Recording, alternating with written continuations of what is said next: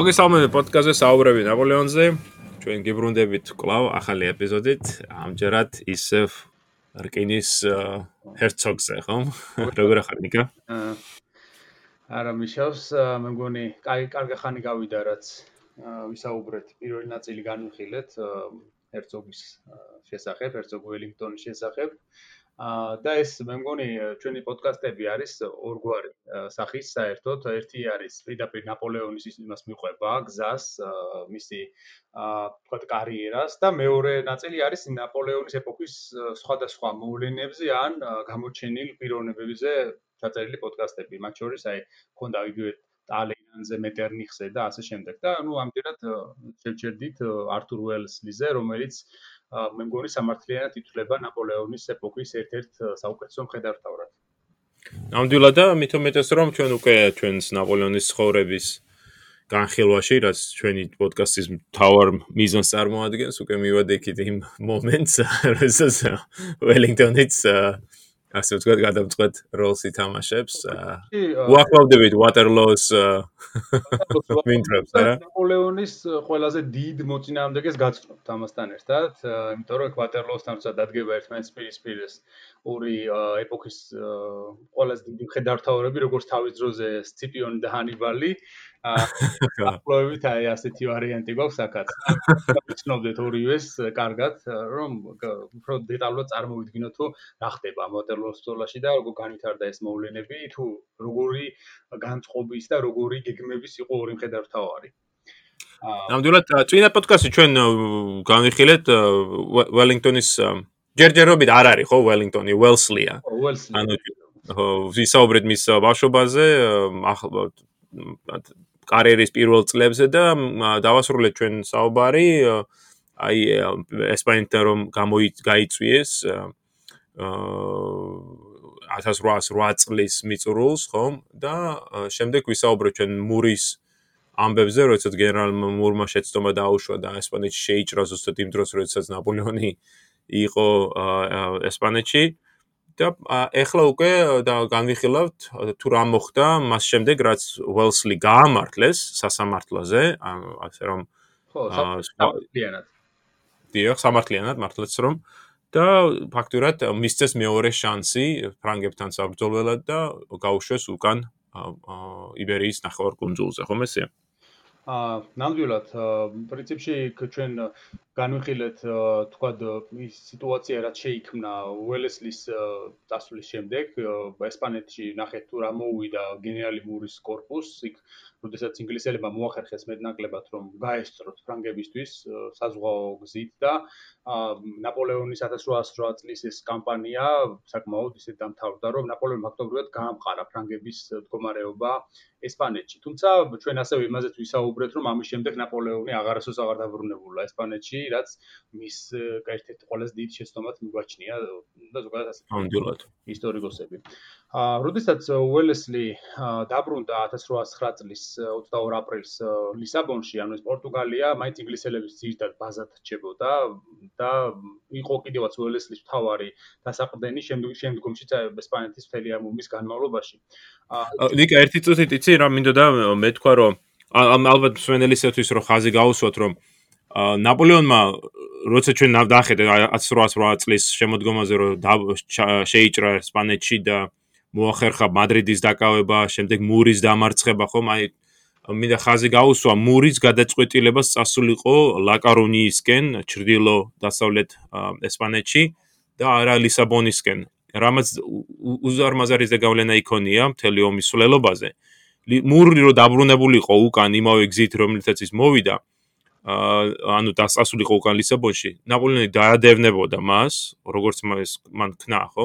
და ფაქტურად გაანადგურებდა ბრიტანელების დასახრდენ ადგილს პორტუგალიაში, რასაც შენ ახლა აღნიშნავ. მაგრამ აი მურის გადაწყვეტილება წასულიყო ლაკარონიისაკენ, გულისხმობდა იმას, რომ ნაპოლეონის გაგზავნა ჯარის სწორედ მამ მიმართულებით და ლისაბონი ფაქტურად დარჩა ბრიტანელების ხელში. ნაპოლეონის ერთ-ერთი უმთავრესი შეცდომა კიდევ ერთი, რომელსაც ჩვენ აქ ხას უსმავთ, არის სწორედ რომ მან არ გააგზავნა ჯარი აი ამ ეტაპზე ლისაბონის და პორტუგალიის დასაკავებლად. არამედ გასაგები მიზეზის გამო, ხომ? 1809 წლის გაზაფხულზე, როდესაც მას შეეძლო ამის გაკეთება, მან მიიღო შეტყობინება, რომ ავსტრიელები ემზადებოდნენ ომისათვის და ფაქტურად იძულებულია დაბრუნდეს უკან. მაგრამ აი ეს გადაწყვეტილება, რომ წასულიყო და არც გაიგზავნა ჯარი პორტუგალიაში, გულისხმობს შედეგად ვიღებთ იმას, რომ აი 22 აპრილს, შე როგორც თქვი, 1809 წლის, სწორედ მაშინ, როდესაც ნაპოლეონი იბრძვის ავსტრიის ძინავდე, ვესლი ჩადის ლისაბონში და მას უკვე აქვს იქ ბაზა. თანაც აი ბაზა საიდანაც ის მოიგებს ნახევარკუნძულის ომს რეალურად ამ მანძილზე. აა როდესაც ახლა უელსი დაბრუნდა პორტუგალიაში, მისი თავარი მიზანი ამ შემთხვევაში იყო მარშალ სულტის ჯარის მოგერიება. აა ზოგადად მთელი ეს ესპანეთის კამპანია უელსლისა და სულტ შორის მიმდინარეობს ძირითადად ეს დაპირისპირება. ანუ სულტი არის ართურ უელსლის თავარი მოწინააღმდეგე ფრანგული ბანაკიდან მარშალი სულტი რომელსაც ის მთელი ამის განმავლობაში ებრძვის და საბოლოოდ საფრანგეთშიც კი მოუწევთ მათ ერთმანეთთან ბრძოლა 1814 წელს 16000 კაცი ყავდა უელსლის ამ დროს რომელსაც მან გადაკვეთა მდინარე დურო თან ზეთ ფრანგი მზვერავების თვალწინ და პორტუგალიელების მხარდაჭერით 12 მაისს პორტოს მეორე ბრძოლაში დაამარცხა სულტის ჯარი. ვიდაც დასრულდა ფრანკთა ეს მეორე შეჭრა პორტუგალიაში და ბრიტანელებმა მოახერხეს გაწმენდა ფაქტობრივად პორტუგალიის და ფრანგებისგან. სულთმა დაიხია, დაკარგა 5000 კაცის უმცირე და артиლერიისა და აღალის საკმაოდ დიდი ნაწილი. ანუ ლისაბონში გადასვლიდან სულ რაღაც 4 კვირაში უელესლიმ განდევნა ფრანგები პორტუგალიიდან და ამ რეგიონში დააღადგინა ისევ ბრიტანელების დომინაცია.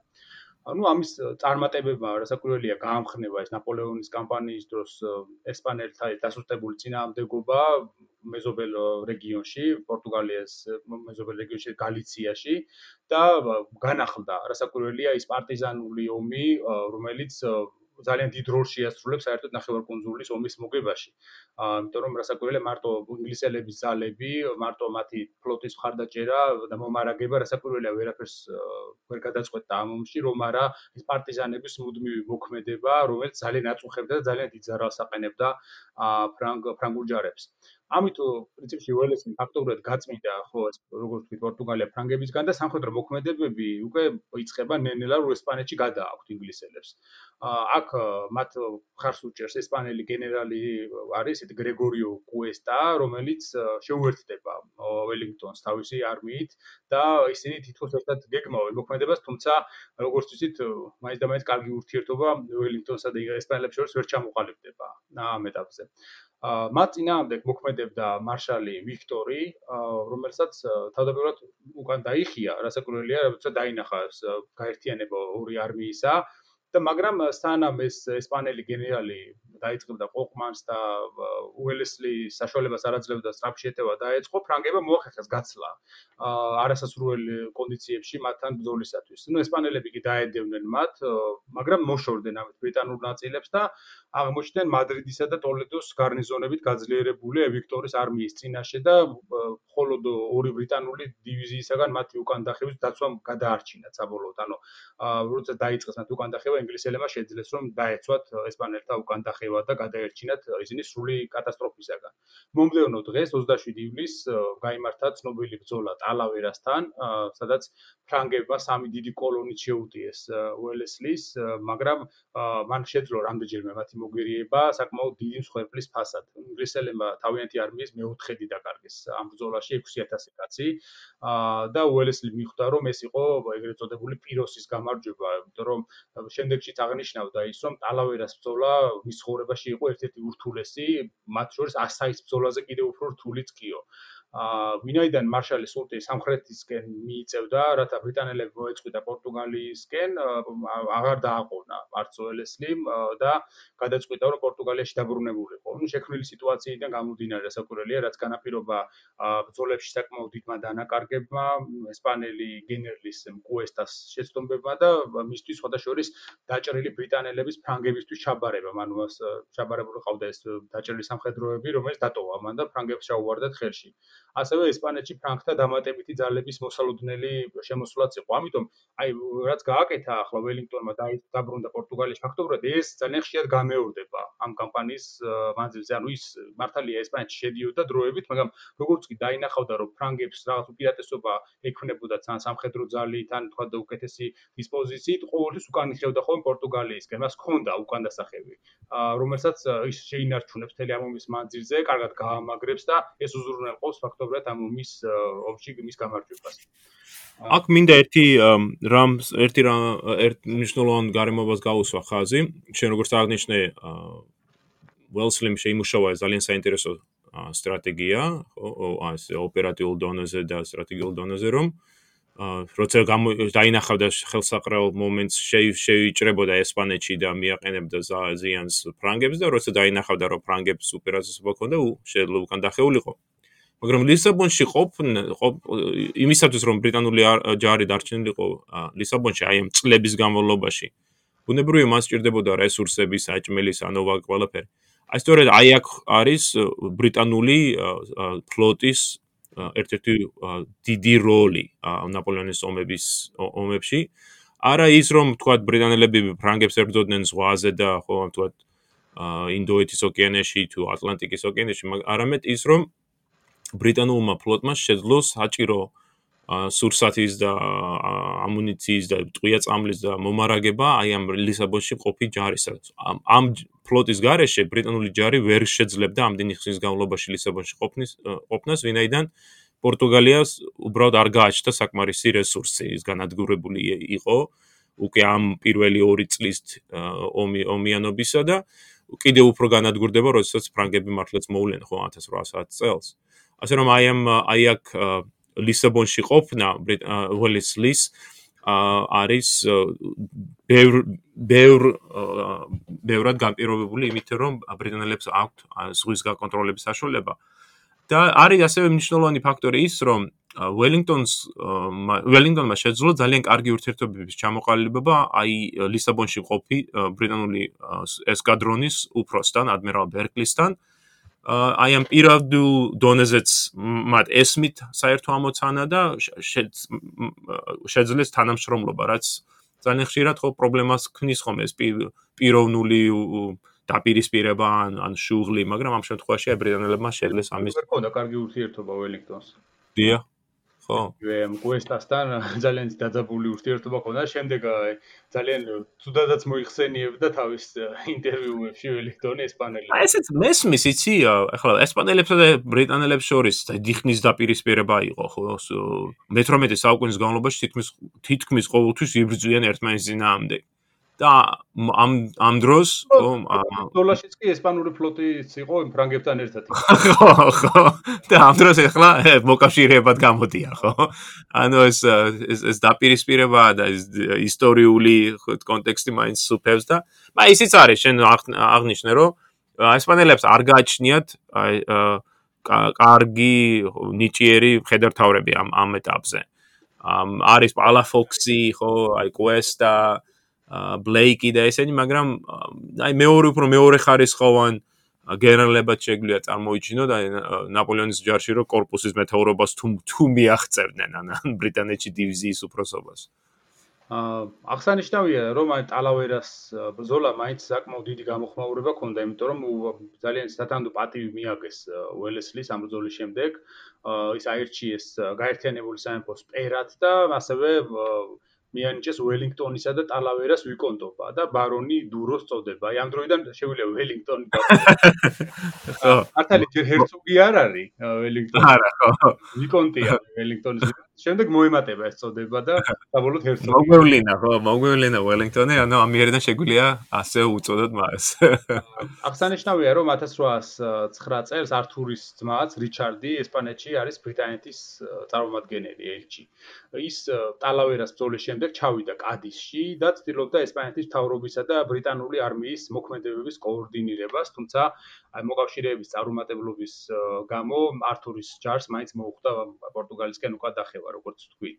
ფოტოშორის ის საინტერესოა რა, აი ამ ძმების ურთიერთობა, იმიტომ რომ ჩვენ წინა პოდკასტში ვისაუბრეთ რომ აი რიჩარდი პატრონობდა თავის ძმას ინდოეთში, ხო, ხელი შეუწყო მის აა წინსვლას და ეხლა ფაქტურად როლები ნელ-ნელა იცვლება, ხო? ველინგტონი ამჯერად არტური არის აღმასვლის ხაზზე და აი რიჩარდს ჩემი აზრით ცოტა არ იყოს დაღმასვლის გზას დაადგა, იმიტომ რომ ინდოეთის გენერალ-გუბერნატორიდან ეხლა უკვე ჩამოქვეითდა უბრალოდ დიპლომატიური წარმომადგენლად ესპანეთში. ცნობილი როლი შესრულება შეიძლება საკვირველია. ხო, რა თქმა უნდა. აა, იმიტომ რომ ხა ბრიტანეთის წარმომადგენელი ესპანეთში, რომელიც ამ ომის გასაღებია ამ შემთხვევაში ძალიან მნიშვნელოვანი ის ქონდა თანამდებობა ქონდა. ფოტოშოპის ისტორიკოსი ჯონ სევერნი, რომელიც თავის წიგში ბრიტანეთის იმპერიის არქიტექტორები, სადაც ეს ველესლების ოჯახის შესახებ არის დაწერილი, წერს რომ რაც ართური პირველად ჩაერთო ნახევარკუნძულის ომში 1808 წელს, აი რიჩარდმა მაშინვე დაინახა ამაში კიდევ ერთი საშუალება, რომ ველესლების ოჯახი განედიდებინაო. აქედან ის ომს ფართო დიდ მასშტაბებში უყურებდა, ან ცირე იზოლირებული გამარჯვებები კარგი იყო მისი აზრით, მაგრამ ეს რეალობას ვერ შეცვლიდა. რიჩარდი მეცელოდა სულ მცირე ფრანგების განდევნას ნახევარკუნძულიდან. შეიძლება ართურს პორტუგალიისკენ დაეხია, მაგრამ ის უკან დაბრუნდებოდა და როცა დაბრუნდებოდა რიჩარდის აზრით ესპანეთი ზადუნა ყოფილიყო მის მისაღებად და მასთან ერთად სამოქმედოდ. მას შემდეგ რაც ფრანგები დამარცხდებოდნენ პორტუგალიაში, ძალთა ბალანსი შეიცვლებოდა და ნადირი ახლა თვითონ გახდებოდა მონადირე, ასე ფიქრობდა. ფრანგების ძინაამდე შეტევა გარდაუვალად ესპანეთში და მომხდარიყო და აუცილებელია რომ ესპანელებთან კოორდინირებაში მომხდარიყო ეს ყველაფერი. მას სადამე დიპლომატიურად ესპანეთის უგულებელყოფა არ შეიძლებოდა.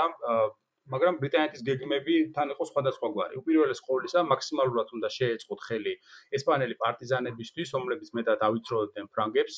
ამის გაკეთება ძირითადად სურსათისა და იარაღის მიწოდებით შეიძლებოდა, მაგრამ პარტიზანებისთვის ესპანეთის უმაღლესი ხუნტის ხარდაჭერაც ასევე მნიშვნელოვანი იყო. ამას გარდა ესპანეთს უნდა დაეწყო საკუთარი არმიის აღდგენა და ანგარიშგასაწევ ძალად ჩამოყალიბება, რომელსაც სათანადო ხელმძღვანელობა ეყოლებოდა. როგორც პორტუგალიაში, ესეც საჭიროებდა ბრიტანეთთან ჩარევას. შემდეგ ესპანეთის თავრობის რეფორმირება მომხდარიყო იმგვარად, რომ მას კარგად ემუშავა და მოსახლეობის მხარდაჭერა მოეპოვებინა.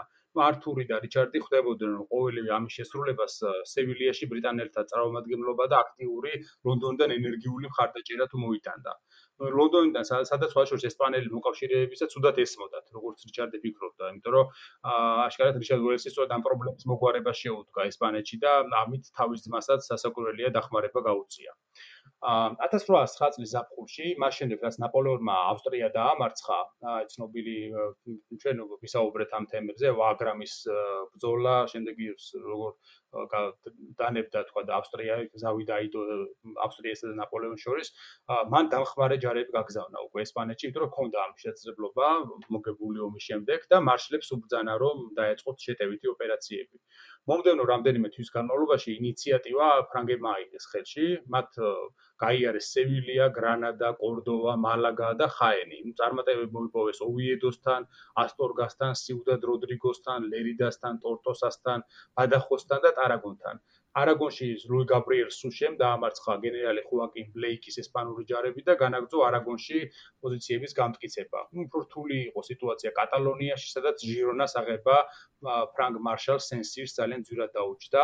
კასტილიაში ესპანეთის ხუნტის გადაწყვეტილება რომ გადასულიყვნენ შეტევაზე კატასტროფულად დასრულდა. ესპანელების ასტიკად დამარცხდნენ რამდენიმე ბრძოლაში და ხუნტამ ქვეყნის უდიდეს ნაწილზე დაკარგა კონტროლი. ისინი მხოლოდ გალიციასა და ლევანტის ნაწილებს ლევანტის ნაწილებსა და კადის აკონტროლებდნენ სადაც ფრანგებს ფაქტობრივად ალყაში ყავდათ ისინი მოქცეულები ამ წლების განმავლობაში აი ეს აი ძალიან კარგია რომ აი მას ხაზი გაუშვენ რომ ზოგჯერ ჩვენ ესე ხალხს არ მოუდგენიათ რომ ნაპოლეონს არ ქონდა საშუალება მოეგო ხო აი 1810 11 წლები არის მომენტი როდესაც ნაპოლეონს აქვს ამის საშუალება. ძალიან კარგიც როგორც შენ თქვი ფაქტობრივად თელი ესპანეთი თის შემომტკიცება შეძლეს ფრანგებმა არის აი კადიში ხო გამაგრებული ხუნტის ადგილები არის რა თქმა უნდა პარტიზანებთა ქვედანაყოფები რომლებიც აქა-იქ მოქმედებენ მაგრამ თლიანობაში ფრანგების ვითარებას ესპანეთში უფრო ფრანგების სასარგებლოდ არის. და რომ არა ბრიტანელები ხო და აი უელინგტონის საკმაოდ მოზომილი და კარგად გააზრებული პოლიტიკა და სტრატეგია ომის სულ სხვანაირად წარმართებოდა. კი რასაკვირველია იმიტომ რომ ანუ ფრანგებს თავდაპირველადვე როცა დაიწყეს ეს საკურე ნაპოლეონს დაიწყო ესპანეთში შეჭრაზე ფიქრი, რასაკვირველია, ქონდათ გარკვეული მოლოდინები ამისა და ალბათ იმასაც იაზრებდნენ, რომ შეიძლებოდა რომ თქვა ბრიტანელებსაც გამოეყენებინათ ის პლატფორმა და ასე შემდეგ, მაგრამ რასაკვირველია ნაპოლეონი ისეთ ნაბიჯზე ალბათ ვერ წავიდოდა ესპანეთში, რომ მას იმედი არ ქონოდა, რომ აქ რაღაცას მიაღწევდნენ და ამ ტერიტორიას შედაიფროდნენ.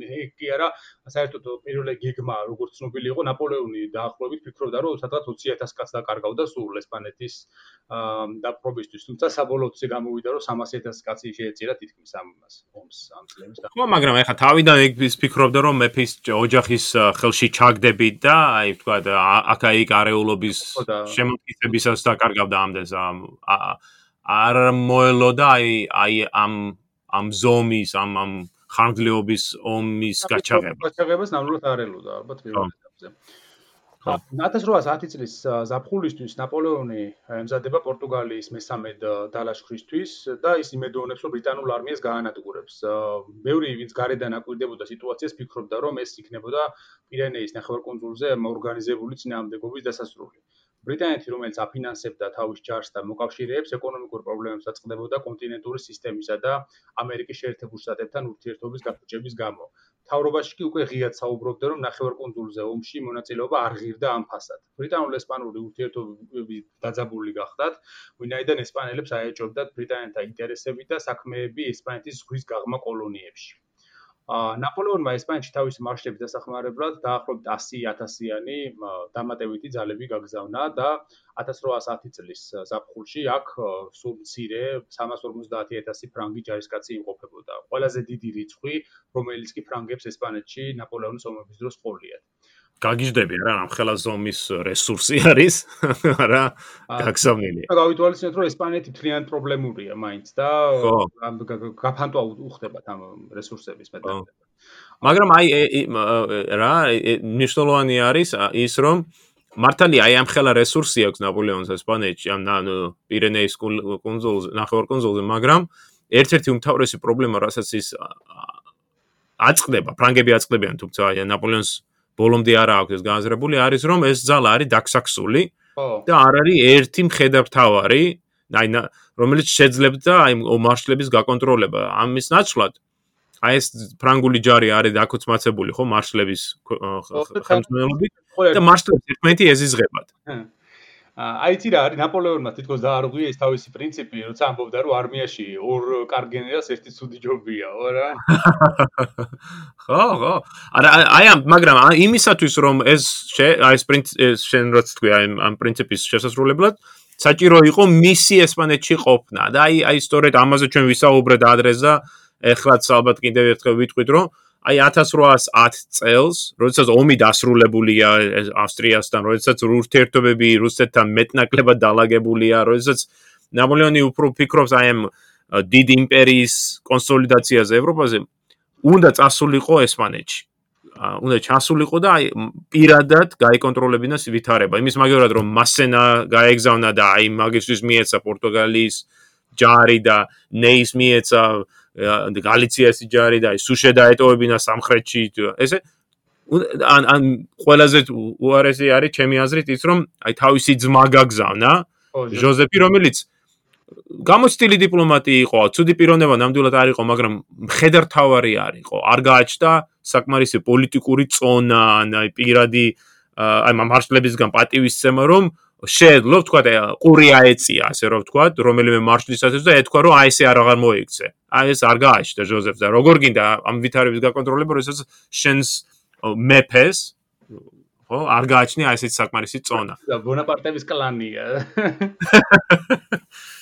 აა ესეთი ნეპოტიზმი იყო რა აი ხო ახლა ნაპოლეონს ხოცი ბევრი ბევრი რაღაცა გაუკეთებია საინტერესო და კარგიც მაგრამ აი აი როდესაც ჩვენ საუბრობთ რომ მას ჰქონდა აი ადამიანში ნიჭის დაფასების უნარი და ვთქვათ წინსვლის ხო აი ხელი შეეწყო ნიჭიერი ხალხისთვის. ხო და მე მე ხვდები ამ ჟოზეფს და ჟოზეფს კიდე არაუშავს ხო ისე როგორც კი მეტაკლებად კარი გამოცდილი პიროვნება აი ჯერომს ხო ისი ლუის და ენერვებზე მოგიშლები კაც ო, არა, მართლაც აი. აი, სადა ვარ ჩვენ გაჭერებულები? მე მგონი ვემზადებით პორტუგალიაში შესაჭრელად. იმპერატორმა დანიშნა მარშალი ანდრე მასენა პორტუგალიაში მოლაშქრე არმიის მეთაურად. აი, ახლა მასე ერთ ზამიდან ნერვების მოსლა თუ არის. ახლა ანდრე მასენაც კაი ტიპი არის, ხო? გამოცდილი ნიჭიერი ციურიხთან მისი გამარჯვება ერთ-ერთი ყველაზე მნიშვნელოვანი არის ხო რევოლუციური ომებში ომების დროს აფრიკეთის თავდასაცავად მაგრამ მასენა ბოლოს როდის იყო ასე ვთქვათ ბრძოლის ველზე? 1809 წელს და გამოფიტულია ასპერესლინგის შემდეგ. ნამდვილად აღარ სურს მას ყოფნა. ბრძოლა მithomets ახალგაზრდა საყვარელი ყავს რომელსაც თან საერთოდ პორტუგალიაში. მაგრამ მასენა არ არის თქვა იმ იმისათვის მზად რომ აემხელა მისია დააკისრო მას ნით უმეტეს რომ იცი რომ მას არ აქვს კარგი ურთიერთობა სხვა корпуსი სხვა მარშლებთან. აი არ ვიცი რა. აი ეს გადაწყვეტილება ცოტა ისეც დავუ უნდა გაეგზავნა. დავუ ხო? დავურავი საერთოდ სუმიკვირდა დავუს რატო ვერ იყენებ და მაინც სათანად როგორც შეიძლება. აი მართალი ხარ. იცი აი ერთ-ერთი ისეთი მომენტია რომ მუდამ ბოლომდე ის უფრო სწორედ 1815 წლამდე დავუყავს ყოველთვის თავისთან იმიტომ და კარგად იყენებს როცა თავის ხელქვეითი არის მაგრამ აი დამოუკიდებლად არ აძლევს გაქანებას. არა და როცა მიეცა საშუალება ყოველთვის გამოავლინა რომ ხო ხო და მე 1815 წელს დადოვა პარიში ამის. ხო მოკლედ აი დაუსპოთ თუმცა მაგასაც ვისაუბრეთ ხო ამასაც აქვს ახსნა მაგრამ ფიქრობ რომ დაუსყოფნა მეტნაკლებად ბოლო კომპანიაში შეიძლება სხვანაირად კარგი. მასენა არის ახლა პორტუგალიის შესასვლელად გაგზავნილი. მასენა ნაპოლეონის მარშლებს შორის ერთ-ერთი მაინც ყველაზე ნიჭიერი ფედერალთავარი ნამდვილად იყო. აა თუნდაც დაუდა მასენა მაინც ალბათ ითვლებიან მათ შორის ყველაზე გამოჩენილ ფედერალთავრებად მეტნაკლებად მარშლებს შორის. და მას შეეძლო თანაც რომ დამოუკიდებლად ეხემძღვანელა დიდი არმიებისათვის, მაგრამ პრობლემა ეს იყო რომ მასენა მიუხედავად იმისა რომ მას ყავდა შეფოჩ დიდი არმია, თუმცა ვერ მიიღო ის 100000 ჯარისკაცი, სრულად 65000 კაცი მიიღო და პლუს კიდე ეს ლოჯისტიკური პრობლემები, რაც პორტუგალიაში ომისას თავს იჩენს, მაგრამ საქმე ის არის რომ ეს სხვა მარშლები, რომლებიც იქ მოქმედებენ ესპანეთში, მასენას არ ემორჩილებიან ისე როგორც საჭიროება მოითხოვს. ნამდვილად. ხო, ეს ძალიან დიდ პრობლემას უქმნიდა მასენას მოქმედებებისთვის, ანუ ჩვენ წარმოვიდგინოთ, რომ მიუხედავად იმისა, რომ თქვა მასენა იგივე წინა ერთი წლის წინ ომში იყო და ძალიან გადაღლილი იყო ამ ომისგან, ასაკიანი იყო, მაგრამ მიუხედავად ამისა, ის მაინც უნარიანი მეთაურია მეტნაკლებად და მას რო ხელშეწყობა ქონოდა იმ თვალსაჩინოდ, რომ თქვა არ ქონოდა ამდენი ლოჯისტიკური პრობლემა, არ ქონოდა ამ სხვა მარშლებისგან რომ ნორმალურად ხანდაჭერა ქონოდა მის ჯარს, ალბათ შეიძლება მეტი მიეღწია მას ამ კამპანიაში. აა მიუხედავად ამისა, ლონდონში მაინც ფრანკთა ჯარი მეტის მეტად ძლიერად მიაჩნდათ და იყო აზრებიც ყო გამოთქმული, რომ საჭირო იყო ჯარის ევაკუაცია პორტუგალიიდან. მაგრამ უელესლი ხედავდა, რომ რეალურად უპირატესობა იყო მის მხარეს და გამოჩნდა კიდევაც ეს ამ ომში. თავდაპირველად მოხდა ბრძოლები ბუსაკოსთან, სადაც შეძლო უელესლიმ ფრანგების მსვლელობის შეეშენება, შემდეგ კი დაუხვდა მათ ტორეს ვედრას სიმაგრეების ზოლზე, რომლის ფლანგებს იცავდა სამეფო ფლოტი.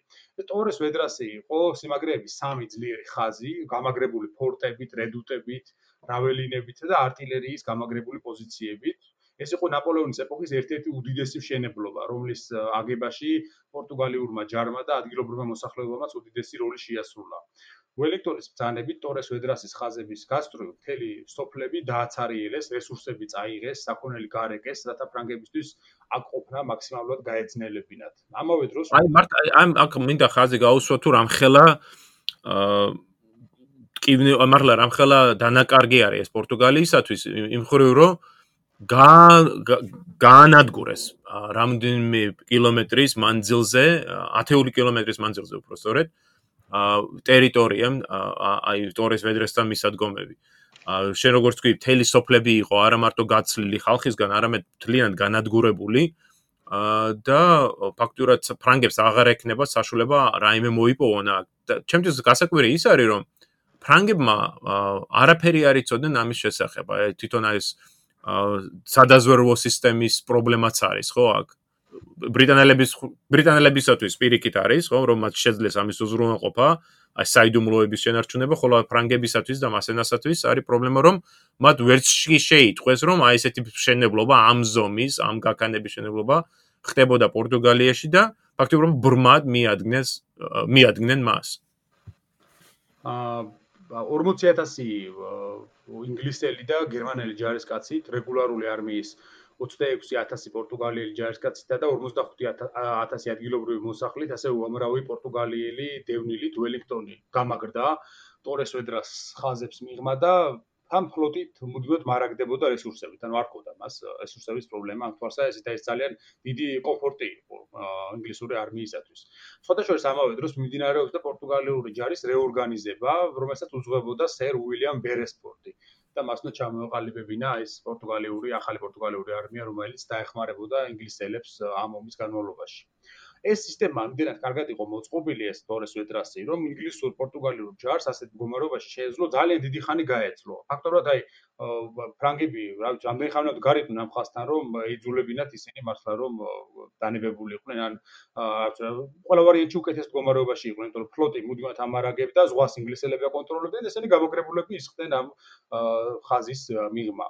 გაერთიანებული ინგლისურ-პორტუგალიური არმიით ველინგტონი ფიქრობდა, რომ შემდეგ დაამარცხებდა ის ტორეს ვედრასთან დასუსტებულ ფრანგებს, იმიტომ რომ მუდმივად ვერ გაძლებდა მასენა ხაზებზე. მისი არმია სუსტდებოდა, ეს განიცდიდა პარტიზანებისგან თავდასხმას, განიცდიდა ლოჯისტიკურ პრობლემებს და ეს თლიანობაში ფრანგებს ალბათ აიძულებდა, რომ უკან დაეხიათ. მისმა სტრატეგიამ მართლაც გაამართლა. მართალია მასენამ ყველაფერი გააკეთა წარმატების მისაღწევად, მაგრამ შეზღუდული რესურსებით და ძლიერი მოწინააღმდეგის პირისპირ მისი მისია იყო ურთულესი. აა, როდესაც მან ტორეს ვედრასი იხილა, იმპერატორს მიწერა, რომ თუ ძალით შეუტევდა ასეთ მძლავრ სიმაგრეებს, არმიის გაწირვა მოუხდებოდა. ბრიტანელებსა და მათ მოკავშირეებს ჰქონდათ ყველაფერი, რასაც ისურვებდნენ ლონდონიდან, უფასოდ და დიდი რაოდენობით. აღნიშნავდა ფრანგი ოფიცერი ჟან-ჟაკ პელე, როდესაც ასე წერს იმას, რომ ჩვენთვის პარიზიდან წერილზე პასუხის მისაღებად კი თვეზე მეტი იყო საჭირო, თუ საერთოდ მოაღწევდა აქამდეო. აა შემდგომში ველინგტონი აღთოვანებული იყო გაუდაბურებულ პორტუგალიაში ფრანგული არმიის თვეების მანძილზე გაძლებით.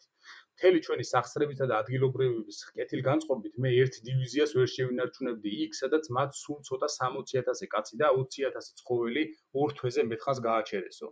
ფრანგები, რომლებიც ვერც სიმაგრეების გადალახვას ახერხებდნენ და რესურსებით შემოაყალათ, იძულებულები გახდნენ 6 თვის შემდეგ უკან დაეხიათ და თან დადევნებული მოწინააღმდეგეც მოეგერიებინათ.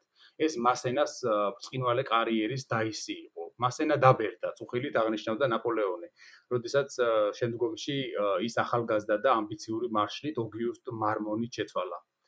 აა ნათქვამია გამარჯვებულებს არ ამას ასამართლებენ, მაგრამ თვითონ ველინგტონიც კი კრიტიკის ქარცეცხლში აღმოჩნდა. სხვათა შორის რა გასაკვირია, ბრიტანული საზოგადოება არ იყო ჩვეული ველინგტონის სტრატეგიის მეთოდურ ფაბიანურ ხასიათს, აი კვინტუს ფაბიუს მაქსიმეს შეადარეს ისი სტრატეგია თითქოს, რომელიც არ მიისწრაფოდა გადამწყვეტი ბრძოლებისა და ტრიუმფებისკენ.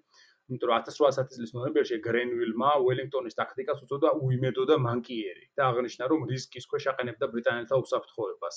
ასეთი კრიტიკა გულზე ხვდებოდა ველინგტონს, რომელიც თავის მხრივ წუწუნებდა მთავრობისგან ომის გაწყოლის მეთოდებზე და მისთამი არასრულ ნდობასა და მხარდაჭერაზე. მიუხედავად იმისა, რომ ველინგტონის სტრატეგიით პორტუგალიასაც მნიშვნელოვანი ზარალი მიადგა, ის წარმატებული იყო და ნახევარკუნძულის ომში გარდატეხა შეიტანა მოკავშირეების სასარგებლოდ. შესაბამისად კრიტიკა კრიტიკა დარჩა. საღი აზრი კარგად ამჩნევდა, რომ ველინგტონი საუკეთესო ბრიტანელი სარდალი იყო, რომელსაც ნაპოლეონის იმპერიის წინააღმდეგ მოქმედება უნდა მიენდოთ. ანუ ტორეს ვედრას კამპანიამ აჩვენა თუ ვის კონდა უპირატესობა ნახევარკუნძულის ომში. ბრიტანელებმა მიაღწიეს დიდ გამარჯვებას მცირე სამხედრო დანაკარგებით. ფრანგებისთვის კი 1810-დან 1814 წლამდე პერიოდი განსაკუთრებულად მძიმე აღმოჩნდა შემდეგი წლები.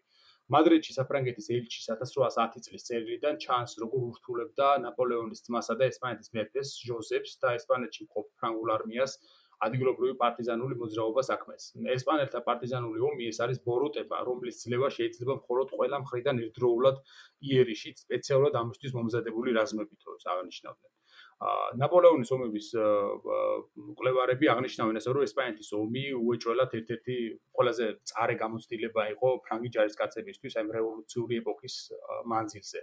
ამას სამხედროები თავიანთ წერილებში, მემუარებში და დღიურებშიც კაფიოდ გადმოსცემდნენ. ჯარისკაცთა შორის კი პოპულარული იყო გამოთქმა: ომი ესპანეთში სიკვდილია ჯარისკაცებისთვის, დამანგრეველი ოფიცრებისთვის, ბედის წერა კი გენერლებისთვისო. აი ამ ფრაზით ძალიან კარგად შეიძლება ესპანეთის ომის დახასიათება ფრანგული თვალსაზრისით. 1811 წელს მასენა კვლავ დაიძრა პორტუგალიისკენ, რათა გაეთავისუფლებინა ალმეიდა ქალაქი. უელესლი შეებრძოლა ფრანგებს ფუენტეს დე ონოროს ბრძოლაში, ხოლო ვიკონტი ბერესფორდი მარშალ სულტს დაუპირისპირდა ალბუერასთან.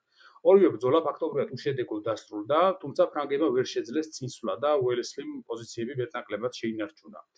წარმატებისთვის უელინგტონმა 1811 წლის 31 ივლისს სრული გენერლის ჩინი მიიღო, ფრანგებმა დატოვეს ალმეიდა, თუმცა შეინარჩუნეს ორი ესპანური ციხესიმაგრე, სიუდად როდრიგო და ბადახოსი, რომლებიც პორტუგალიისკენ მიმავალ სამთო გზას იცავდნენ. ა ველიქტორმა მალე აღმოაჩინა, რომ ტორეს ვედრას ხაზების დაცვასთან შედარებით ესპანეთში შეჭრა ბევრად დიდ ცირთულეს წარმოადგენდა. ფრანგები კვლავინდებურად აკონტროლებდნენ ესპანეთის უდიდეს ნაწილს, ინგლისელები კი პორტუგალიაში რჩებოდნენ. მიუხედავად ამისა, ფრანგთა პოზიციების შესუსტებამ ესპანეთში ველინგტონს გაბედულება შემატა. 1810 წლის შემოდგომისა და 1811 წლის გაზაფხულის საველე და საალყო ბრძოლებმა ინგლისელები აიძულა დალოდებოდნენ კავალერიის შევსებას, რომელიც ესპანეთის ველებზე სამოქმედოდ აუცილებელი გახდა. სამეფო საზღვაო ფლოტმა ველინგტონი აღჭურვა ძლიერი საალყო артиლერიით, რომლის მეშვეობითაც მან მოახერხა 1812 წლის 20 იანვარს ბადა სიუდად როდრიგოს აღება და 7 აპრილს უკვე ბადახოსის დაპყრობაც და ამით გზა გახსნა ესპანეთისაკენ. ამავე დროს მიიღო ხუთი კავალერიული რაზმი დამატებით ესპანეთში სამოქმედოდ. თუმცა თავარი, რამაც სტრატეგიული სიტუაცია შეცვალა, ეს ნაპოლეონის 1812 წლის რუსული კამპანია იყო. მასიურ ომმა, მასიურ ომმა მნიშვნელოვნად შეასუსტა ესპანეთში ფრანგთა სამხედრო რესურსი და კიდევ უფრო შეუწყო ხელი ველინგტონის დიდ წარმატებებს ამ წლის პირველ ნახევარში. ამ დროისათვის მარშალ სულტის 59000-იანი ჯარი სამხრეთში, ანდალუზიაში იყო და კადისისთვის ჰქონდა ალყა შემორტყმული. ჩრდილოეთით მდგარი არმია ნავარაში პარტიზანებს დევნიდა, მარშალი ლუი გაბრიელ სუშეკი კატალონიასა და არაგონში იდგა 60000-იანი ჯარით და თავისი კოლეგების დახმარება დიდად არ შეეძლო. ველინგტონისთვის თავარ პრობლემას წარმოადგენდა მარშალ მარმონის 52000-იანი ჯარი. ბრიტანელებმა 1812 წლის გაზაფხულზე დაიწყეს შეტევა ესპანეთზე მის მიმართულებით. მარმონთან ბრძოლაში ველინგტონს სურდა მიიღწია რამდენიმე მიზნისთვის. გაინადგურებინა მტრის ჯარი, დამუქრებოდა ფრანგთა კომუნიკაციებს და ეიძულებინა მარშალი სულტი რომ მიეტოვებინა კადისის ალყა და უკან დაეხია სამხრეთ ესპანეთიდან. მას შემდეგ რაც ბრიტანელებმა საკმარის რესურსებს მოუყარეს თავი, კამპანიაც დაიწყო. ველინგტონის განკარგულებაში იყო 50000-იანი არმია და 54 ზარბაზანი. არმიის უმთავრესი ნაწილი ინგლისელებისგან შედგებოდა, მაგრამ იყვნენ პორტუგალიელებიც, რომელთაც ბუსაკოსთან ბრძოლაში აჩვენეს, რომ გამოსადეგები იყვნენ ველინგტონისათვის. დამატებით ველინგტონს ემორჩილებოდა ესპანური დივიზია და მეფის გერმანული ლეგიონის რაზმები. 1812 წლის 22 ივლისს გამართა ერთ-ერთი ყველაზე ცნობილი ბრძოლა ნახევარკუნძულის ომის, ეს არის ბრძოლა სალავანკასთან. უელინგტონმა მოულოდნელი ფლანგური მანევრებით სასტიკა დაამარცხა მარშალი მარმონი, რომელიც ბრძოლაში დაიჭრა და უკან დაიხია. ბრძოლიდან 6 დღეში ფრანგი გენერალი მაქსიმილიან სებასტიენ ფუა წერდა, რომ სალამანკას ბრძოლა ყველაზე მასშტაბური, ოსტატურად ჩატარებული და მნიშვნელოვანი ბრძოლა იყო მის დროში ბრიტანელების მიერ ჩატარებულ ბრძოლებს შორის. მან როდი ველინგტონის რეპუტაცია თითქმის გაუტოლა მალბოროსას. აღნიშნავდა გენერალი, ჩვენ გავიხსენოთ და გენერალი მალბორო ეს 18 საუკუნის პირველი დასაწყისის ცნობილი ინგლისელი ხედართავარი, რომელმაც ძალიან სახელი დატოვა ფრანგებთან ომებში. ჩვენ ვიცოდით მისი წინდახედულობის პოზიციების კარგად შერჩევისა და გამოყენების შესახებ, მაგრამ სალამანკასთან მან თავი წარმოაჩინა მანევრირების საუკეთესო ოსტატად, აღნიშნავდა ფუა. სალამანკასთან გამარჯვებამ დაამსხვრია ეს ევროპაში გავრცელებული მოსაზრება თითქოს უელინგტონი მხოლოდ დაცვითი ომის მწოდნე და ზედმეტად ფრთხილი სარდალი იყო და განამტკიცა მისი როგორც ბრიტანელი სამხედრო გმირისა და ევროპის ერთ-ერთი საუკეთესო მხედართმთავრის სახელი. ეს უდაოდ უელინგტონის საუკეთესო ჩატარებული ბრძოლა გახდა და იმ თვალსაზრისით წარმოადგენდა იგივეს, რასაც აუსტერლიცი ნაპოლეონისთვის. 40000 კაცის დამარცხება 40 წუთში, როგორც ამას ერთი ფრანგი ოფიცერი უწოდებდა, თავზარი დასცა ფრანგებს. რომელთაც არამხოლოდ კადისიდან დაიხიეს უკან, არამედ მთელი ანდალუზია მიატოვეს და დედაქალაქ მადრიდის ევაკუაცია დაიწყეს, რამაც ძალიან ძიმედ დაასარალა მეფე ჟოზეფის მთავრობა. უელინგტონი დიდებითა და პატივით მიიღეს მადრიდში 1812 წლის აგვისტოში. ფრანცისკო გოიამ ამ დროს შექმნა მისი ცნობილი პორტრეტი სხვათა შორის, თუმცა თვითონ უელინგტონი დიდად მაყოფილი არ დარჩენილა თავისი მასპინძლებისა. მე ბევრს არაფერს მოველი ესპანელთაგან, მიუხედავად იმ ყველაფრისა, რაც ჩვენ მათთვის გავაკეთეთ. თლიანობაში ისინი ყველაზე უუნარონი არიან რაიმე სასარგებლოს გაკეთებაში, ვიდრე ნებისმიერი სხვა ხალხი. ყველაზე პატივმოყვარე და ამავე დროს ყველაზე უმეცარი. განსაკუთრებით ყოველგვარ სამხედრო საქმეში თავიანთ ქვეყანაშივე, აღნიშნავდა ველინგტონი. ის იყო ძალიან ცუდი წარმოდგენის ესპანელ გენერლებზე. სილვიერა გენერალი არ არის. დელა რომანას სამხედრო ნიჭის ნატამალი არ გააჩნია. პალაფოქსი მელცი ქარაფშუტაა. ხოლო ალბუკერკე უპატივცემულოდ საუბრობდა და ამბობდა, რომ ის გახარებული იყო, როცა ინგლისში ელჩად გაგზავნეს. ამავე დროს ველინგტონი ბაილენთან ფრანგული корпуსის კაპიტულაციას იმდენად ესპანელთა წარმატებად არ მიიჩნევდა, რამდენადაც თვითონ გენერალ დიუპონის ბრალეულობად და გამართლებულად მიაჩნდა ნაპოლეონის განრისხება მასზე. ველინგტონის ასეთმა დამოკიდებულებამ ცოტა შორის ხელი შეუწყო ვიქტორიანული ეპოქის ბრიტანელ ისტორიკოსთა ნაშრომებში ნახევარკუნძულის ომში ბრიტანელთა როლის განდიდებას და ესპანელთა უკიდურესად დაკნინებას. სინამდვილეში ესპანელებმა ორჯერ მეტი ფრანგული არწივი იგდეს ხელთ, ვიდრე ბრიტანელებმა და მოწინააღმდეგის ცოცხალ ძალასაც გაცილებით დიდი ზიანი მიაყენეს. მიუხედავად ესპანური რეგულარული ჯარის ხშირი დამარცხებებისა ფრანგებთან გენერალურ ბრძოლებში, ეს იყო პირველი პარტიზანული ომი ახალ ისტორიაში და მან დიდი გავლენა მოახდინა მომავალ სამხედრო ხელოვნებაზე, რომელშიც ომის ამგვარი წარმოება ისე გავრცელდა, რომ უკვე ძნელად წარმოსადგენია, რამდენად რევოლუციური იყო ის ორი საუკუნის წინ ესპანეთში. სალამაკასთან ტრიუმფის მიუხედავად უელინგტონი საფათო პოზიციაში აღმოჩნდა სულტის სამხრეთიდან მომავალ არაგონისა და ტოლედოსთან დგარ მეფე ჟოზეფის ჯარს შორის. თვითონ ბრიტანელებისგან დამარცხებული არმიაც, ეგრეთ წოდებული პორტუგალიის არმია, მაინც ანგარიში გასაწევდალად რჩებოდა, ვინაიდან გენერალ ბერტრან კლოზელის მეთაურობით მოან მოახერხეს სწრაფად გადაჯგუფება და ხელახლა აღჭურვა. ამავე დროს უელინგტონმა ვერ მოახერხა ბურგოსის აღება, რომელსაც გენერალი ჟან ლუი დუბრეტონი იცავდა და ფრანგები გადავიდნენ კონჩეტევაზე, რამაც ბრიტანული ჯარი აიძულა პლანდებურად თავი შეეფარებინა პორტუგალიისათვის. ნოემბერში მათ დატოვეს მადრიდით, სოდაშორის რომელსკენაც მეფე ჟოზეფის არმია მიემართებოდა. ივლისში მოპოვებული დიდება თითქოს გაქრა. უელინგტონი კვლავ აღმოჩნდა კრიტიკის ქარცეცხში თავისი მუდმივი უკან დახევებისა და განსაკუთრებული სიფრთხილის გამო. ბრიტანულმა ჯარმა მნიშვნელოვანი ზარალი მიიღო. 15000-მდე ჯარისკაცი არ იყო საბრძოლო კონდიციებში. აღჭურვილობის დიდი ნაწილი კი უკან დახევისას დაიკარგა. უკმაყოფილება ესპანელებსა და პორტუგალიელებშიც გაიზარდა. ამ ყველაფრის მიუხედავად 1812 წლის კამპანია მოკავშირეებისთვის თლიანობაში მაინც წარმატებულად ითვლება. სალამაკასთან გამარჯობა და მადრიდის ეს დროებითი გათავისუფლება იყო ის, რამაც ხელი შეუწყო საბრძოლო სულისკვეთების ამაღლებას ესპანეთში და მათ განდევნას სამხრეთ ესპანეთის დიდი ნაწილიდან, ფრანგების განდევნას. ესპანელი პარტიზანები კვლავინდებურად დაძწოდნენ თითქმის მთელ ნახევარკუნძულზე და ხელს უშლიდნენ ფრანგთა სამხედრო ოპერაციებს. მაგრამ ნაპოლეონის იმპერიის ბედი ესპანეთის გორაკებზე არ გადაწყვეტილა. მიუხედავად იმისა, რომ ნაპოლეონი შემდგომში აღნიშნავდა, მე ესპანურმა იარამ გამანადგურაო. რეალურად ესპანეთის მოვლენები რა მნიშვნელოვანი წარმონა ყოფილიყო, არ ემუქრებოდა ფრანგთა იმპერიის არსებობას და ნაპოლეონი დანარჩენ კონტინენტზე დომინირებას განაგრძობდა. ევროპის მომავალი რუსეთის თოვლიან მინდვრებზე და გერმანიის პლანინდელოებზე გადაწყდა, სადაც ნაპოლეონმა ვერ შეძლო გადამწყვეტი გამარჯვების მოპოვება. ჩვენ შეგვიძლია მხოლოდ წარმოვიდგინოთ რა მოხდებოდა ნაპოლეონი რუსეთში შეჭრის დასვად ესპანეთისკენ რომ გაძღოლოდა დიდ არმიას 1812 წელს და მთელი კონტინენტის დიდი რესურსები გამოეყენებინა ნახევარკუნძულის პრობლემების მოსაგვარებლად. რაც ჩვენ ვისაუბრეთ სწორედ ამ თემაზე. მართლაც 1813 წელს სანამ ნაპოლეონი კვლავინდებურად აღადგენდა არმიას, რომელიც მისი წინამორბედის აჩდილიღა იქნებოდა, მის განკარგულებაში სულ 93000-მდე ჯარისკაცი იყო. ნუ არმიის ცენტრალური დაჯგუფება, რომელიც ყველაზე მეტად დაზარალდა, 450000 აღწევდა, როცა ვისლა გადალახა და მათგან მხოლოდ რამდენიმე ათეული ათასი გადარჩა.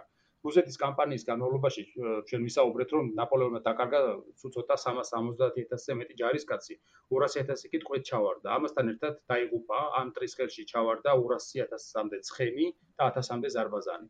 როგორც ენდრიუ რობერტსი აღნიშნა, სხვადასხვა ბრიტანეთის ჯარს სულ 20 წელი ებრძოლა პირენეის ნახევარკუნძულზე, ამდენ დანაკარგს ალბათ მაინც ვერ მიაყენებდა მოწინააღმდეგეს.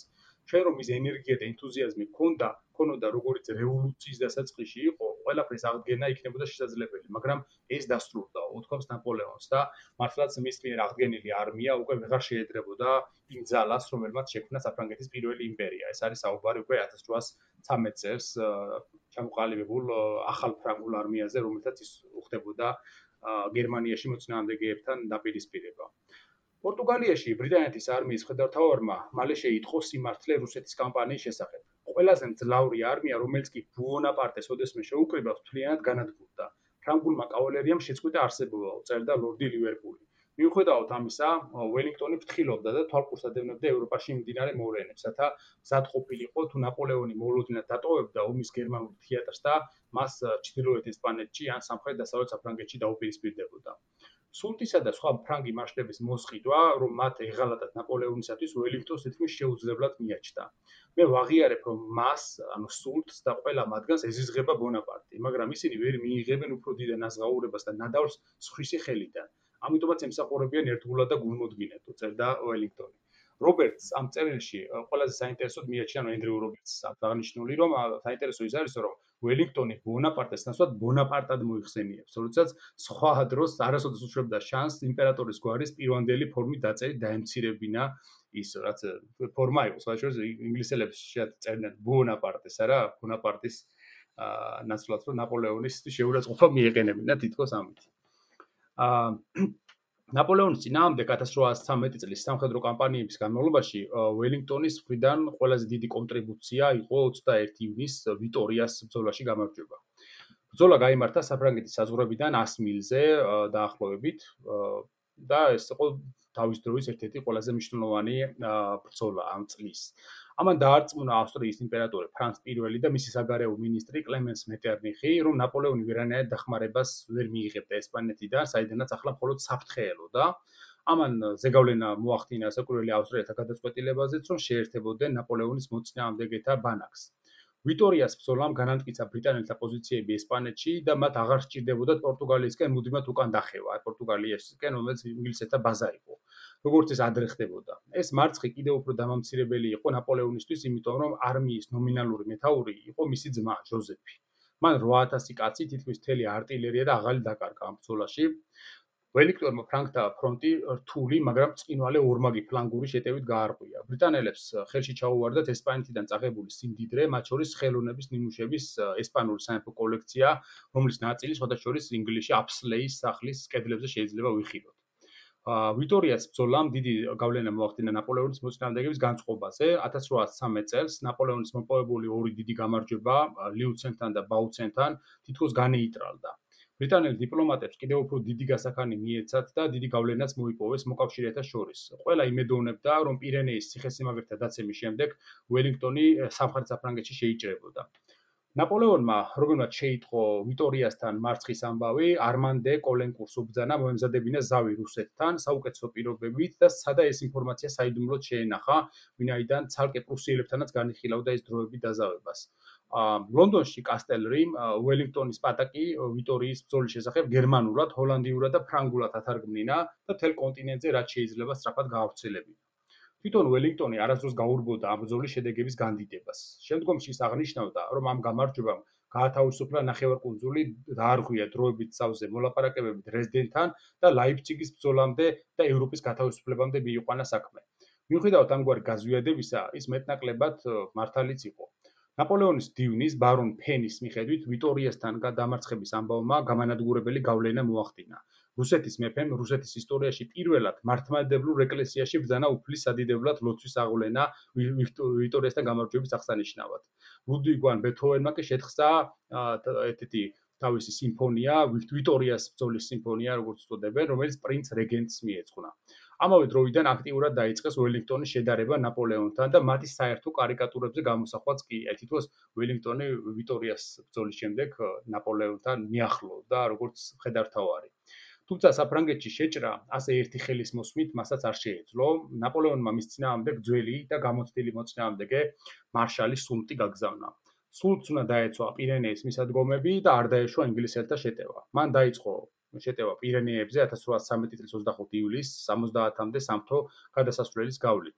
ველინგტონმა ყველა მათგანის დაცვა ვერ შეძლო, მაგრამ ბრიტანელებმა სულტის შემოტევა უკუაგდეს მაიასა და როსენვალის უღერტახილებს. ეს როსენვალის უღერტეხილი ცნობილია ისტორიის მოყვარულებს, როგორც აი ეს ცნობილი როლანდის ამბავი, სადაც და გამართა ეს ცნობილი ლეგენდარული შუა საუკუნეების ეპოსის ერთ-ერთი ბრძოლა.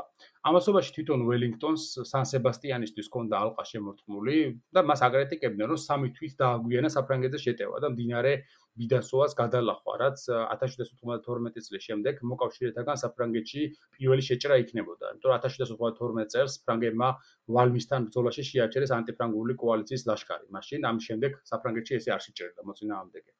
საბოლოოდ ველინგტონმა გადაკვეთა მდინარე ბიდასოვა 6 წლის შემდეგ, რაც გენერალმა ჟიუნომ საპირისპირო მიმართულებით, ანუ ფრანგეთში შეჭრა ესპანეთში 1807 წელს და გადავიდა საფრანგეთში.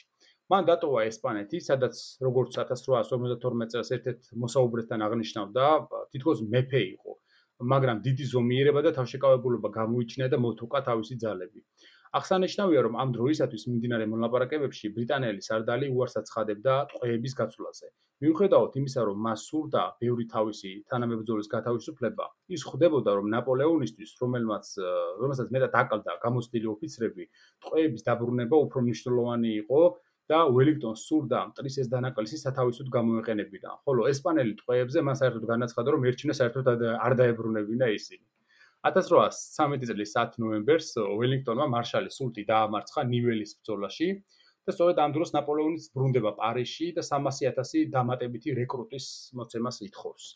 განა არ ჯობს ამ შემთხვევაში სიმართლის თქმა არ შემოჭრილა განა ველინგტონის სამხრეთიდან ან რუსების ჩრდილოეთიდან, ხოლო ავსტრიელები და ბავარიელები აღმოსავლეთიდან არ გვემუქრებიან, ამბობდა იმპერატორი. როცა სხვა არმიებს ის ეთნიკური ნიშნით საზურავდა, ინგლისელ მხედართმთავარს სახელით მოიხსენიებდა. ეს ადასტურებს, რომ ნაპოლეონი მართლაც საუკეთესოდ მიიჩნევდა ველინგტონს მოკავშირეთა სარდლებს შორის, რაც მანამდე ავსტრიის საგარეო საქმეთა მინისტრ მეტერნიხთან საუბარში აღნიშნა. ნაპოლეონი იძულებული გახდა გაეწვია სამხედრო გაწევის ასაკზე უმცროსი და უფროსი მამაკაცებიც, რომელთაც უწოდებდნენ მარი ლუისებს ამ დროისათვის, იმიტომ რომ საიმპერატორო ფრონტზე იყო არმიის შეკრებას მისი მეუღლე ფორმალურად მარია ლუიზა ზედამხედველობდა. ამ დროს ველინგტონმა მოახერხა და ფრანკთა 100000-მდე ჯარისკაცი სამხრეთ საფრანგეთს მიაჯაჭვა და ამ ძალების გამოყენებას ნაპოლეონი მოკავშირეთა თავარი ძალების წინააღმდეგ ვეღარ ახერხებდა. ყველაფრის მიუხედავად, მან მაინც შეძლო 100000 კაცისთვის თავი მოეყარა და თავის კარიერის განმავლობაში ჩაატარა ერთ-ერთი საუკეთესო სამხედრო კამპანია 1813 წლის ამთარსა და 1814 წლის გაზაფხულზე. მისი გამარჯვებები შამპობერთან, მონმირაისთან, შატოტიერისთან, ვოშამპთან და მონტეროსთან 18 ფებრუარს შორის ველინგტონის აზრით უბრწყინვალესი და ნაპოლეონის კარიერაში საუკეთესო იყო. შემდგომში 1821 წელს ველინგტონი ლორდ მაჰონს ეუბნებოდა, რომ მას საკითხული ჰქონდა ამ კამპანიის შესახებ და მიიჩნევდა ნაპოლეონის სამხედრო გენიის უმაღლეს წარმოჩინებად. თანაც ლორდ მაჰონის მიხედვით ის იმპერატორს ბონაპარტეს ნაცვლად პატივისცემის ნიშად ბონაპარტად მოიხსენიებდა. 1813 წლის დეკემბერში ნაპოლეონმა გაათავისუფლა ესპანეთის მემკვიდრე ფერდინანდ მეშვიდე ბურბონი და აღადგინა ესპანეთის ტახტზე.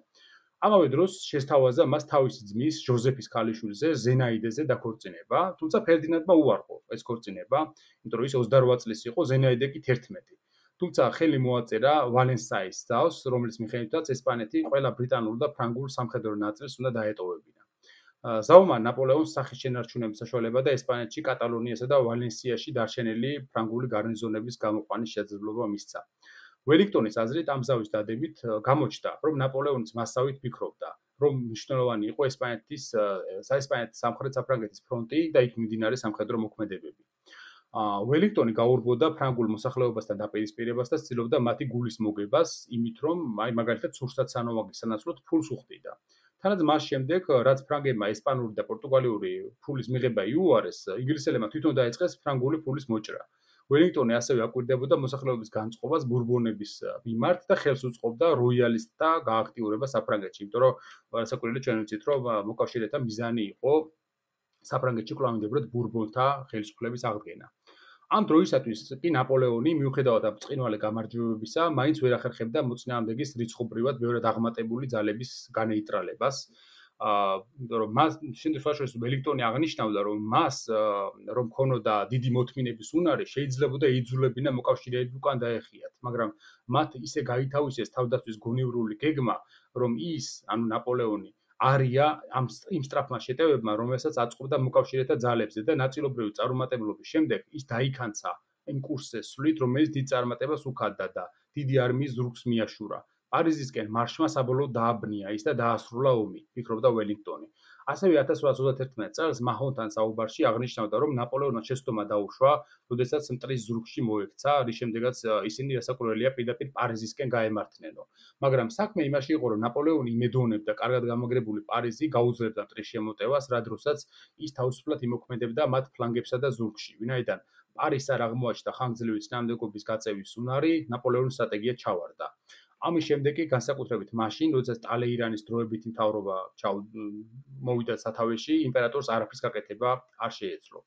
ველინგტონი ერთ-ერთი იყო მოკავშირეთა შორის, რომელიც პარიზზე პირდაპირ შეტევას ემხრობოდა და უარყოფდა ყოველგვარი ფართო ფრონტის სტრატეგიას, რომელიც შეიძლებოდა ნაპოლეონის უპირატესობად ქცეულიყო. ის თვითონ ძალიან სამხრეთით იყო ნაპოლეონისგან, ამიტომ იმპერატორისთვის თავარ საფრთხეს არ წარმოადგენდა 1814 წლის კამპანიის დროს. ეს უკანასკნელი მარშალ სულძე ამყარებდა იმედს, რომელსაც წერდა, რომ კარგი ჯარით ის შეძლებდა უელინგტონის დამარცხებას, მაგრამ არსებულ სიტუაციაში ცოტა უფრო მეტი გამბედაობა და ენერგიულობა იყო აუცილებელი. 1814 წლის 10 აპრილს ტულუზასთან ველინგტონმა თავისი სამხედრო კარიერაში ერთ-ერთი ყველაზე მძიმე ბრძოლაში დაამარცხა მარშალი სულტი, მაგრამ დაკარგა 4568 კაცი, როდესაც სულტის დანაკარგი იყო 3236 ჯარისკაცი. წლების შემდეგ ჯორჯ ჩადთან საუბარში ველინგტონი აღნიშნავდა, რომ გენერალმა პიქტონმა 500 ჯარისკაცი დაკარგა, როდესაც მისი ბრძანების წინააღმდეგ წავიდა და მტერ შეუტია. ბონაპარტეს შეიძლება გაემართლებინა ეს ნაბიჯი, ვინაიდან ის არ ღელავდა თავისი მეომრების სიცოცხლეზე. ჩვენ კი ვალდებულები ვიყავით მოფრთხილებოდით მათ, აღნიშნავდა ველინგტონი. სულტმა კარკასონისკენ დაიხია და დატოვა თავისი არტილერია და 1600-მდე დაჭრილი. ველინგტონი კი ტულუზაში შევიდა. იმავე დღეს საღამოს 5 საათზე მე-12 სუბუქი დრაგუნების პოლკოვნიკმა ფრედერიკ პონსონ პოსონბიმ მოკავშირეთა შტაბიდან ახალი ამბავი მოუტანა ველინგტონს. მე თქვენთვის განსაკუთრებული სიახლე მაქვს. ხო, ასეც ვფიქრობდი, ვიცოდი რომ შვიდობა გვექნებოდა. დიდი ხანი ამას ველოდი, უპასუხა ველინგტონმა, რომელიც თავისი ჩექმების გახდით იყო დაკავებული. არა, ნაპოლეონი გადადგა, მიიღო პასუხად. ველინგტონმა სიხარული ხმამაღალი შეძახილები და ჟესტებით გამოხატა. ნახევარკუნძულის ომი დასრულებული იყო თანაც დიდი წარმატებით. აა ფაქტობრივად ჯერ კიდევ 1808 წელს, ანუ ეს ომი როცა დაიწყო, როგორც თქვით, ნაპოლეონმა გამოთვალა, რომ მისი ესპანური ექსპედიციები ყველაზე ბევრი 20000 კაცის სიცოცხლე შეიცინავდა, საბოლოოდ კი საფრანგეთის დანაკარგმა ამ ომში 240000 გადააჭარბა. ეს 7 წლის განმავლობაში დღეში 100 კაცია ყოველდღიურად.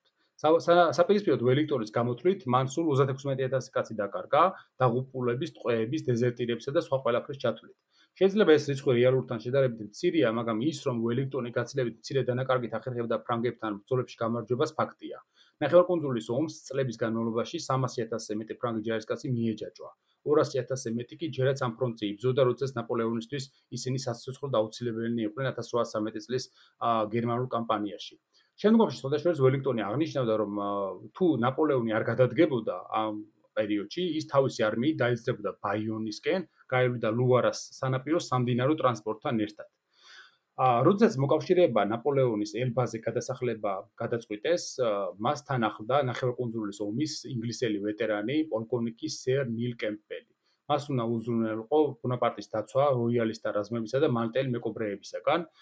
სხვა შორის შემდეგში აღნიშნავდა, რომ ფოტემბლოში იხილა ნაპოლეონი, რომ დაბალი ენერგიული კაცი, რომელიც სწრაფად მოდიოდა მთელ სახში, როგორც ველური ცხოველი გალიაში. ძველ მწვანე ოქროს ეპოლეტებიანი უნიფორმას ატარებდა, ლურჯ შარვალს წითელჩექმებს გაუპარსავი და დაუვარცხნელი გახლდათ, ხოლო შესაყნოსი ბურნუთვის ნაფხვენები ზედა ტუჩსა და მკერდზე ეყარაო. მაგრამ ნაპოლეონს მისთვის უთქვამს: მე თქვენი უდიდესი მტერი ვიყავი, მაგრამ მე აღარავარ.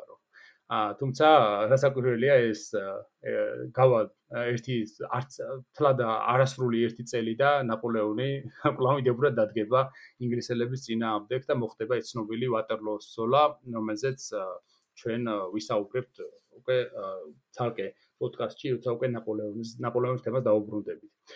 აა სხვა რა შეიძლება ითქვას ველინგტონის 1814 წლის მოღვაწეობაზე და მის როლზე ვენის კონგრესში რა სიტყოდი ალბათ მაგაზე ცალკე ჩავიწეროთ პოდკასტი ვინაიდან პროფესორი როცა დავიწყებ ჩვენ ვენის კონგრესზე საუბარს იქ განვიხილავთ ველინგტონის როლზეც იმიტომ რომ ცოტა დაგვიანებით ჩადით რა თქმა უნდა მაგრამ მაინც მნიშვნელოვანი როლი ითამაშა. ასე რომ მოდით ეს ცალკე გადავდოთ ეს თემა.